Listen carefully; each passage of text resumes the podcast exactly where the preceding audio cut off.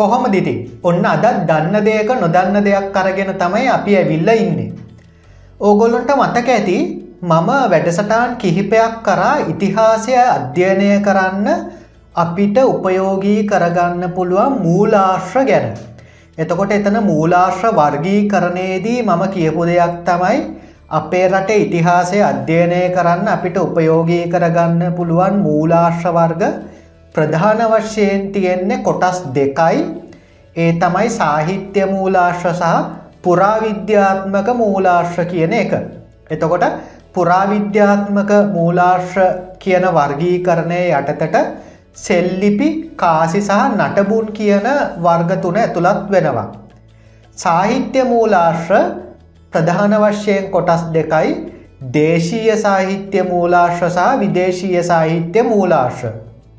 ඊට පස්සේ දේශීය සාහිත්‍ය මූලාශ්‍ර සහ විදේශීය සාහිත්‍ය මූලාශ්‍රත් ආයි කොටස් වලට බෙදෙනවා ගද්‍ය සහ පද්‍ය කියලා. ඉට පස මේ ගද්‍ය සහ පද්‍ය කියන කොටසුත් නැවත නැවත කොටස්වලට බෙදෙන උදාහරණ විදිහට වංශ කතා අට්ට කතා නිගණ්ඩු සන්දේශකාව්‍ය දේශාටනවාර්තා ටීකාවන් ඔය වගේ වර්ග ගණනාවක් අපිට උදාහරණ විදිහට දක්වන්න පුළුවන්. අද වැඩසටහනේදී අපි පාදක කරගන්නවා ඉතිහාසය අධ්‍යයනය කරන්න අපිට උපයෝගී කරගන්න පුළුවන් තවත් මූලාශ්‍රයක්. හැබැයි ඒක මෙන්න මේ අපි කලින් වැඩසටාන් වල කියපු මූලාශ්‍ර ගණයට වැටෙන් නැහැ සහ ඒක ස්ටෑන්ඩඩ් නැත්නම් සම්මත මූලාශ්‍ර ගණයට වැටෙන්නෙත් නෑ මොකද ඒක ඒ මූලාශ්‍ර යටතට දැම්මොත් යම් යම් ප්‍රශ්න සහ ප්‍රායෝගික ගැටලු මතුවෙන නිසා. මෝහන විද්‍යාව එතකොට හැමෝම දන්නවා මොකක්ද මෝහන විද්‍යාව කියන්නේ කියලා මෝහන විද්‍යාව කියලා කියන්නේ යම් කිසි පුද්ගලයෙක්ව යම් නින්දකට පත් කල්ලා ඒ ඔස්සේ පුළුවන් ඒ පුද්ගලයාගේ මේ වර්තමාන භවයේ අතීතයටත් පෙර ආත්මයන් වල අතීත ආත්ම භාවයන් වලට ගමන් කරවලා ඒ ඒ ආත්මයන් වල ඒ ඒ අතීතයන් වල තොරතුරු දැනගන්නසා හාරා උත්සා ගන්න. ඉතින් ඒකට තමයි කෙටියෙන් මෝහනය කරනවා කියලා කියන්නේ.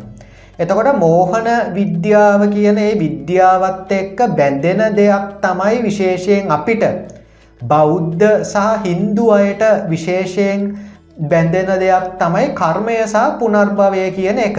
එතකොට කර්මය සහ පුනර්භවය කියන එක ඔප්පු කරන්න පුළුවන් ප්‍රබල දෙයක් තමයි මෝහන විද්‍යාව කියල කියන එකට මම විශේෂණ පදයකුද්දාන්න නිවැරදි මෝහන විද්‍යාව. මොකද අද වෙනකොට ලාභ ප්‍රයෝජන ලබා ගැනීමේ අටියෙන් බොහෝමයක් පිරිස් වංචාවන් කරන අවස්ථා එතකොට බොරුවෙන් මේ දේවල් කල්ලා විශාල මුදල් කඩා වඩා ගන්න අවස්ථා අපිට දැකගන්න පුළුවන්. ඉතින් ඒ නිසා නිවැරදි කියලා මම ඔන්න විශේෂණ පදයකුත් එකතු කරා. එතකොට අපේ රටේ ඔය මෝහන විද්‍යාව ඔස්සේ පෙර ආත්මයන් අධ්‍යයනය කල්ලා කර්මයසා පුනර්භවය ගැන ගොඩාක් පරීක්ෂණ කරපු විද්වතුන් ඕනෑ තරන් ඉන්න අපේ රටෙත් හිටියසා ලෝකය පුරත් ඉන්නෝ.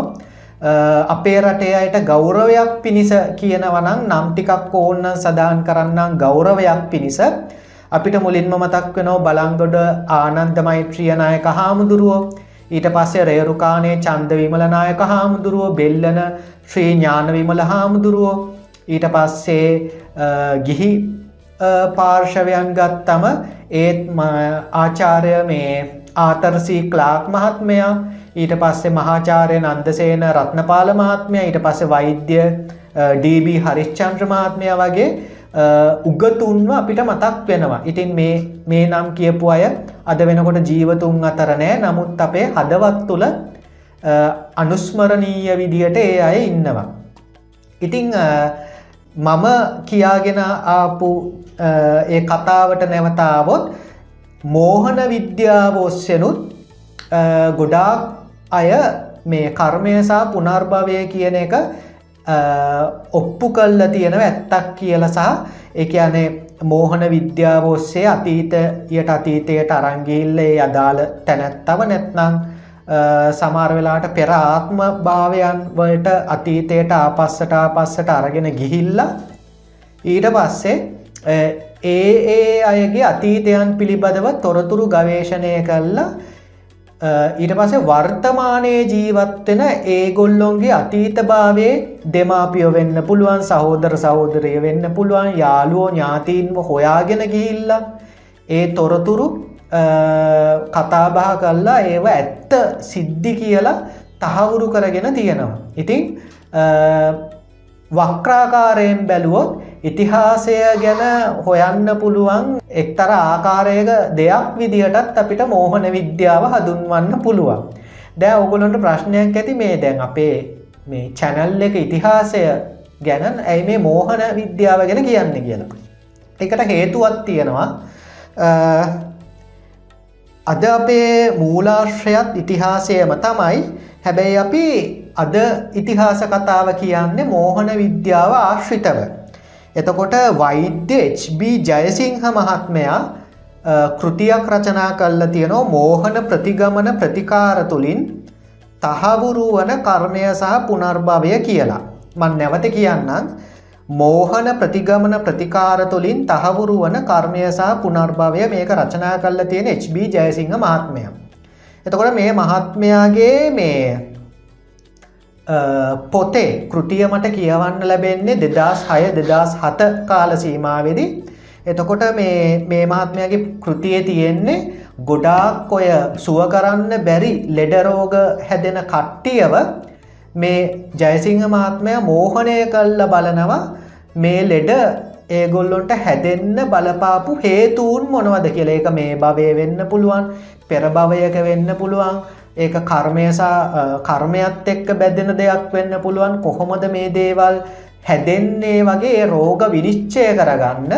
එකැනේ ෂණිකව මේ ගැටලු හදුනාගන්න ගොඩා අපහසු ගොඩාක් උඩ දෙවපු රෝග විනිශ්චය කරන්න මේ ජයසිංහ මාත්මය මෝහන විද්‍යාව ඔස්සේ මේ ප්‍රතිකාර කිරීම් කරනවා. ඉතින් යම් යම් පුද්ගලින්ව මෝහනයට ලක් කල්ල තියෙනවා ඒගොළොන්ගේ අතීත භාවයන් වලට.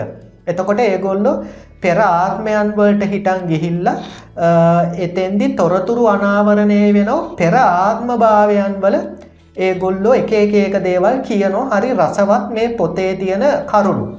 එතකොට සමහරයව්ව තියනවා ඒගොල්ලො මහනුවර යුගය ඊට පස්සේ කෝට්ටේ යුගේ අනුරාධපුර යුගයට හිටන් ඈත අතීතයට යවනවා එගොල්ලොන්ව ඉතින් ඒගොල්ලො ඒ අනුරාධපුර යුගය කෝට්ටේ මහනුවර යාපහුව ඒ යුගවල තොරතුරු ඒගොල්ලො කියනවා. දේශපාලනිකාංශය ආගමිකාංශය ආර්ථිකාංශය සාමාජීයංශය සංස්කෘතිකාංශය මේ සියලු දේවල් සම්බන්ධව විස්තර ඒ කියන තොරතුරුවරින් අනාවරණය වෙනෝ වගේම ඒ කෙනා ඒ අතීතාත්ම භාවයට ගිහිල්ල කියන තොරතුරු අද කාලේ අපි ළඟ තියෙන සාහිත්‍යසා පුරාවිද්‍යාත්මක මූලාශ්‍රයක්කක් ගැලපෙනවා. ඉතින් ඒක තමයි මේක තියෙන ආශ්චර්යමත් බව. ඉතින් අද වැඩ සටානයේදී මට හිතුණා මේක ඒ කතා ගැනේ ගොඩාක් සිද්ධීන්නේ පොතේ තියෙන එක සිද්ධියක් තියෙනවා මේ ජයසිංහ මාත්මයා රෝගියෙක්ව මෝහනය කරනවා. මේ කෙන කෝට්ටේ යුගයට යනවා. මෝහනය ඔස්සේ. ඉතින් ඒ ඔස්සේ හරි රසවත් කෝට්ටේ යුගයට අයිති තොරතුරු ගොඩක් කිය වෙනවා ඉතින් මට හිතුණා ඕගොල්ලොන්ගේ දැනගැනීම පිණිස ඒ පොත. ඒ විදිහටම ඒ පිටුව ඒ පරිච්චේදය කියවන්තින් මේ වෙලාවෙ මල්ලගේ පොත නෑ. මොකද මගේ මිත්‍රයකේ පොත අරංගිහිල්ල තාමයක මට දුන්නෑ නමුත් ඒ පොතේ මේ මේ මේ මම මේ කියන්න යන පරිච්චේදය මම වෙන වැඩකට පිටපත් කරන්තියාගෙන හිටිය. ඉතිං ඒ නිසා මන්දැන් ඒක ෆෝන් එකෙන් බලන් කියනු එතකොට මෙතන මේ දෙබසක් විදිහට ඩයලොක්ස් විදිහට තමයි යන්නේ. ප්‍රශ්නහන්නේ ජයසිංහ වෛද්‍යතුමා. සහ ඒ අහන ප්‍රශ්නවලට උත්තර දෙන්නේ ඒ රෝගියා රෝගියා නැත්නගේ මෝහනයට ලක්වෙන කෙනා. එවගේම මතක තියාගන්න ඕන තව දෙයක් තියෙනවා මම මේ ඒ පරිච්ඡේදයක ගොඩක් දිගයි. ඒ කියන්නේ මුලින්ම මේක ක්‍රමිකව තමයි යන්නේ. කියන්නේ ටික ටික ටික ටික මේ මේ ආත්ම භාවය තමයි පස්සට යවන්නේ. ඊට පස්සේ ගිය ආත්ම භාවයට යනවා ටික ටික. ඊට පස්සේ ඊට කලින් ආත්මයට යනවා. ඔහොම ඔහොම ඔහොම ගිහිල්ලා ඒ කියන්නේ මේ දෙබස එන දිගයි ගොඩාක් ගිහිල්ලා ඊට පස්සේ තමයි කෝට්ටේ යුගයට එන්නේ. ඉතින් අද වැඩසටහනේදී මම මේ ප්‍රශ්න ටික සහ උත්තර ටික මම ළඟට ගත්තා. ඉතින් අද වැඩසටහනේදී දැන් මේක ඩයලොග් එකක් දෙවසක් විදියට යන්න ඕන නිසා ප්‍රශ්නහන වැඩ කටයුත්ත නැත්නම් ප්‍රශ්නහන වැඩේ මම අපේ මාධ්‍යවේදිනි හසිනි ඒකනායකට බාර දෙනවා. ඉතින් එහා පැත්තිදලා එයා ජයසිංහ මාත්මයාගේ කොටස දෙබස් ටික කියයි. මම මේ පැත්තේ ඉදලා මේ මෝහනයට ලක්වෙන කෙනා නැත්නා රෝගයාගේ දෙබස් ටික කියන්න. ඉතින් දැන් අපි බලමු. මේ කෙනා අතීතයට කෝට්ටේ යුගයට ගිහිල්ලා මොන වගේ කරුණුද හෙළි කරන්න කියලා.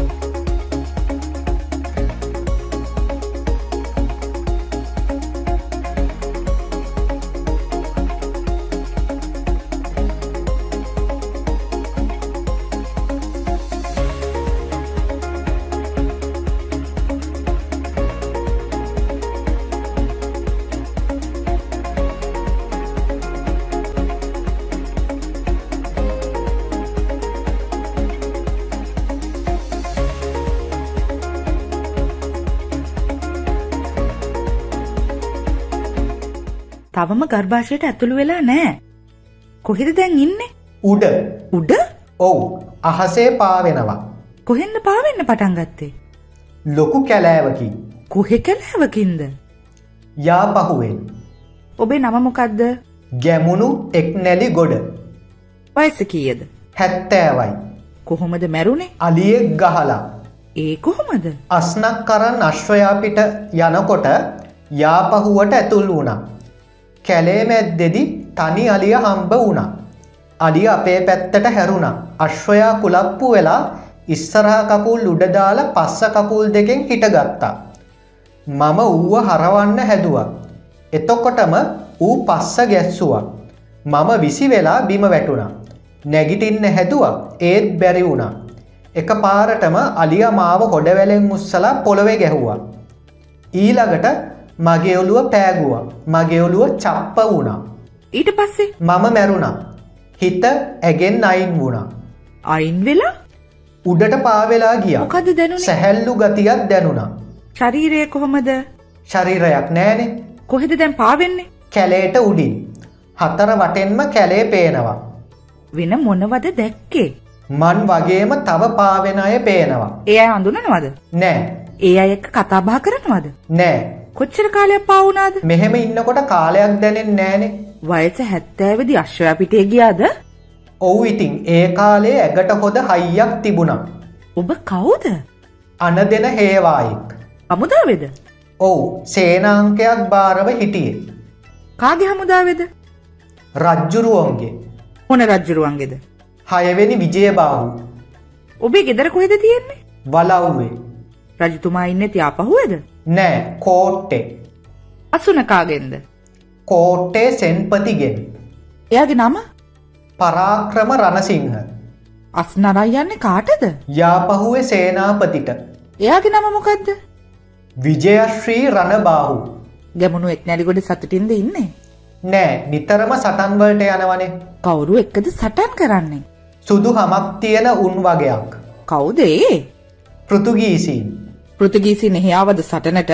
නෑ මාව යැව්ව උන් එක්ක සටනට. කොහාටද? කොළඹ කොටුවට. කවුරු එක්කද ගියේ? සේනාවක් එක්ක. කොහොමද ගියේ? ඇත්තු අශ්වයෝ පිට. මොනවද තිබුණ ආයුද කඩු හෙල්ල තෝමර. ඉතින් මොකද වනේ? අපි කොටුවට පැනලා උන්ට ගහලා ගිනිකදන් විස්සක් විතර උදුරගත්තා. ඉතින් උන් වෙඩි තිබ්බද තිබ්බ. අපේ අය කීප දෙනෙක්ම මැරුණා. අපේ හේවායේ උන්ට පණපිටින් අහු වුණා. ඉතින්? ඒ හේවායාගේ අත් දෙකම කපලා අපි ළඟට එව්වා. ඉතින් මොකද කළේ? මිනිහගෙන් වැඩක් නෑනේ මම හේවායෙක් ලවා එයාට නොපෙනෙන්න හෙල්ලෙන් අන්නවල මරල දැම්ම. ඊට පස්සේ අපි ඒකෙ පලිය ගත්තා. ඒ කොහොමද? අපි පරංගි දෙන්නෙක් කල්ල ගත්තා. උන්ගෙන් අත් කකුල් කන්නාස ඔක්කොම කපල ගිහින් දැම්ම කොටුව ඇතුළටම. ඔබ ඉස්සරලාම යුද්ධයට යනකොට වයස කීයද වයස අවුරුදු විස්සයි.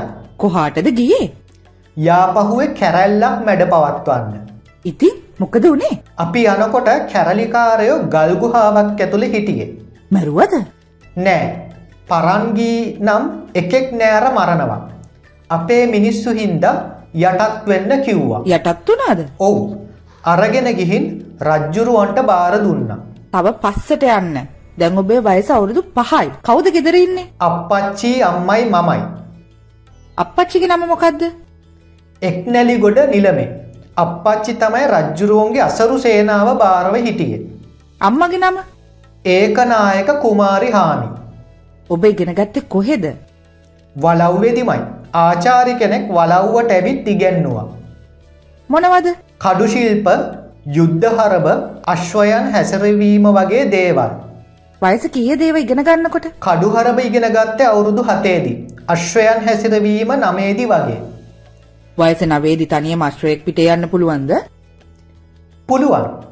ඊට පස්සේ වයස දාසයේදී අසරු සේනාවට බැදුනා. සේනාන්ගේ අන දෙන නිලධාරියවුනේ වයස කීයේදිද හතලිස් පහේදි විතර. සාමාන්‍ය මිනිස්සුන්ට කරදර කළාද ඒ කාලෙ නෑ. ඒ කියන්නේ අන දෙන නිලධාරිය වුණාට පස්සේ එහෙම කළේ නෑ. හේවායෙක් හැටියට රාජකාරි කරනකොට නම් කලා.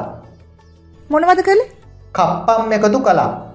රජ්ජුරුවන්ට කියලා මිනිස්සුන්ගෙන් වී හාල් මුදල් එකතු කරලා රජමාලිගාවට ටිකක් දීලා වැඩිහරිය අපි තියාගත්තා. බොහොම නරක වැඩනේ මිනිස්සු කැමැත්තෙන්ද දුන්නේ නෑ දෙස්තිය තියා.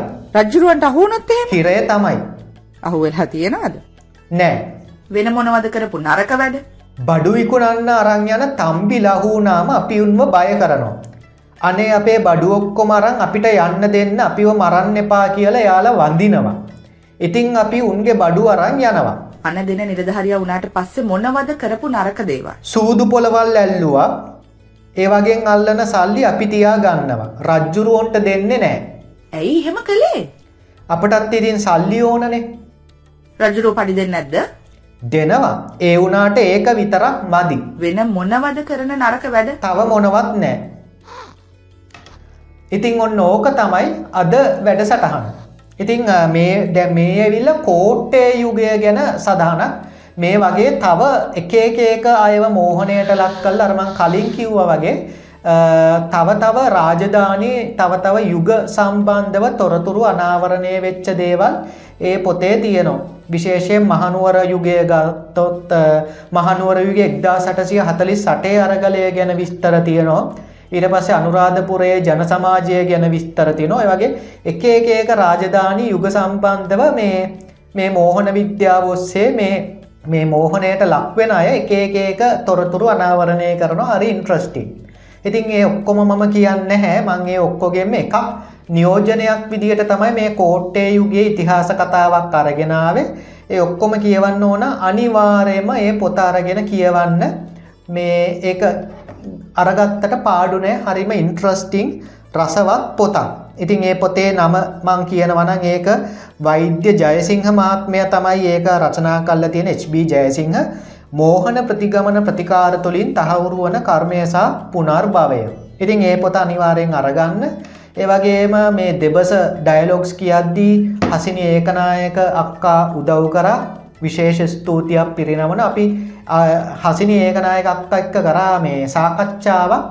අ, ජනමාධ්‍ය කරණය සම්බන්ධව. ඒක බැලුව නැත්න ඔන්න පල්ලෙහ පලවෙනි කමෙන්ට් එකේ මං පින් කල් ඇති බලන්න. ඉතිං විශේෂ ස්තූතියක් පිරිනවනවා උදව් කරාට වැඩේට. ඉතිං අද වැඩ සටාන ඔච්චර තමයි. හොදයිනම් ලයික් අදදාන්න සබස්ක්‍රයිබ් කරල නැත්නම් සබස්ක්‍රයිබ් කරන්න කමෙන්ට් කරන්න ෂයා කරන්න.